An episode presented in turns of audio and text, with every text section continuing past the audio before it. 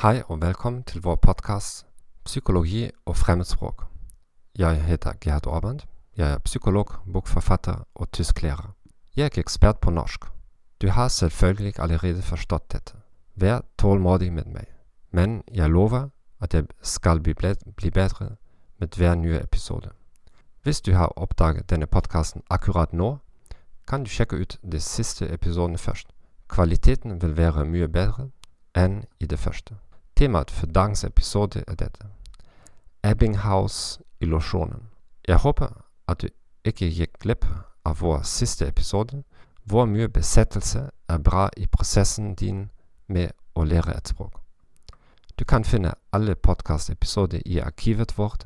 Hvis du vil høre på denne podkasten på et annet språk, kan du gå til vår hjemmeside thegomethod.org slash podcast eller thegomethod.org slash norwegian. Visste du at jeg har en plattform for å lære tysk? Nei, det, dette er ikke et standard videokurs på YouTube der jeg bare forklarer grammatikk. Gjennom plattformen vil du ha ubegrenset kontakt med meg personlig, selv om du bare kjøper ett nivå. Jeg vil hjelpe, coache og rette deg til du snakker flytende. Og de to første nivåene er nesten gratis, dvs. Si for ti dollar hver.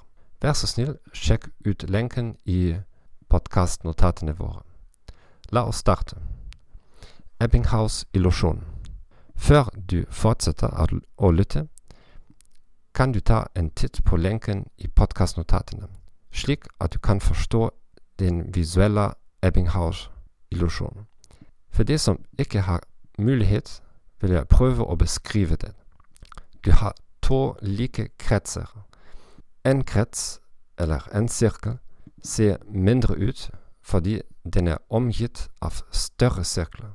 Den andre sirkelen ser større ut fordi den er omgitt av mindre sirkler. Hva har denne visuelle illusjonen å gjøre med språkopplæring? Når vi prøver å vurdere hvor godt vi snakker et fremspråk, avhenger vår vurdering av ledetråder i miljøet. Vi vil føle oss relativt inkompetente når vi er omringet av mer kompetente elever, eller hvis situasjonen er vanskeligere. Vi vil føle oss relativt kompetente når vi er omringet av mer inkompetente eh, elever, eller hvis situasjonen er enklere. Hva betyr dette? Vi føler oss ofte mer inkompetente enn vi egentlig er. Mange av oss unngår å være i vanskelige situasjoner, slik at de kan føle seg mer kompetente. Dette forklarer hvorfor mange språkstudenter, språkelever, unngår å se talkshow eller vanskelig material, og foretrekker å se på spesie spesielle eller enkle materiale for språkelever, eksempel uh, Easy German. Vær oppmerksom på denne effekten, og prøv alltid å være den minst kompetente personen i rømmet.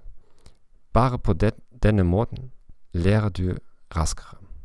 Takk for at du har hørt på podkasten vår Psykologi og fremmedspråk. Jeg håper denne informasjonen var nyttig for deg.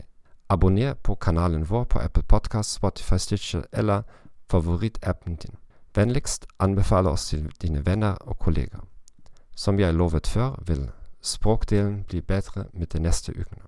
Jeg ønsker deg en fin dag og farvel.